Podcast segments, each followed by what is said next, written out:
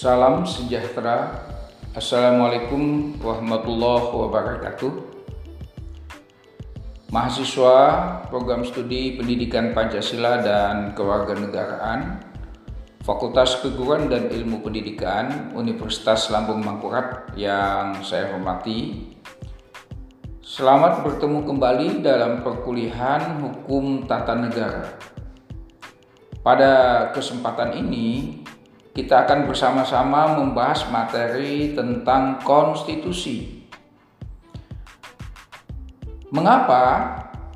Karena mahasiswa merupakan generasi penerus bangsa dan kader pemimpin bangsa. Oleh karena itu, perlu untuk memahami dengan sungguh-sungguh tentang konstitusi dan pada akhirnya diharapkan mampu mengimplementasikannya ke dalam kehidupan berbangsa dan bernegara kelak di kemudian hari.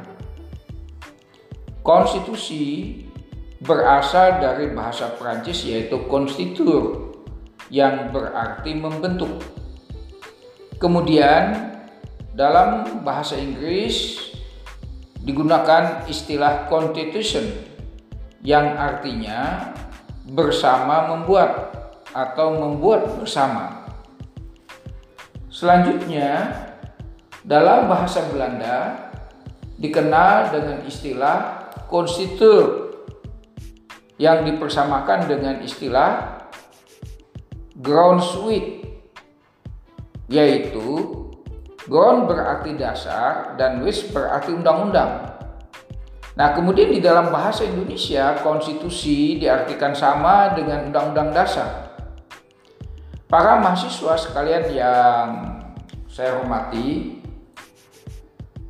berbagai ahli hukum dan ketatanegaraan memberikan definisi tentang konstitusi sangat banyak macamnya.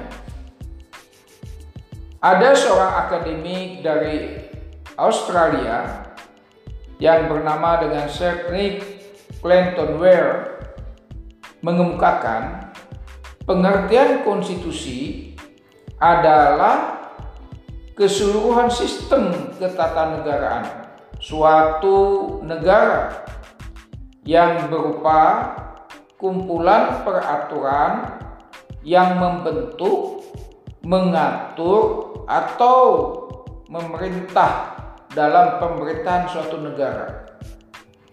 Sehingga dengan demikian dapat dikatakan mempelajari konstitusi suatu negara berarti sama dengan mempelajari tata negara negara itu atau sebaliknya mempelajari tata negara sebuah negara berarti mempelajari konstitusi negara itu.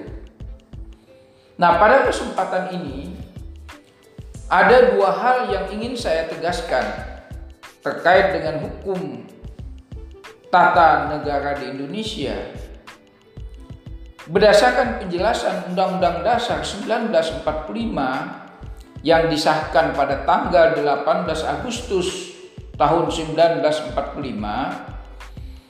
yang pertama di dalam penjelasan Undang-Undang Dasar tersebut menegaskan bahwa Undang-Undang Dasar ialah hukum dasar yang tertulis sedang di sampingnya undang-undang dasar itu berlaku juga hukum dasar yang tidak tertulis.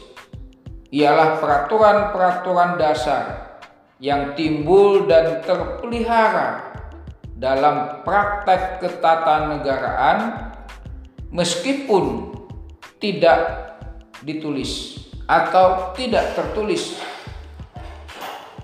Yang kedua, dalam sistem pemerintahan ditegaskan bahwa negara Indonesia berdasar atas hukum atau yang disebut juga dengan Restat tidak berdasar atas kekuasaan belaka atau yang disebut dengan Mahstat.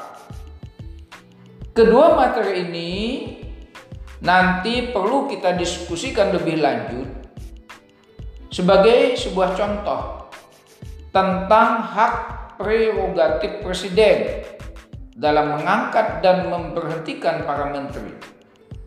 Nah, apakah ini sudah sesuai dengan negara hukum atau menggambarkan adanya sistem yang disebut dengan mahstat?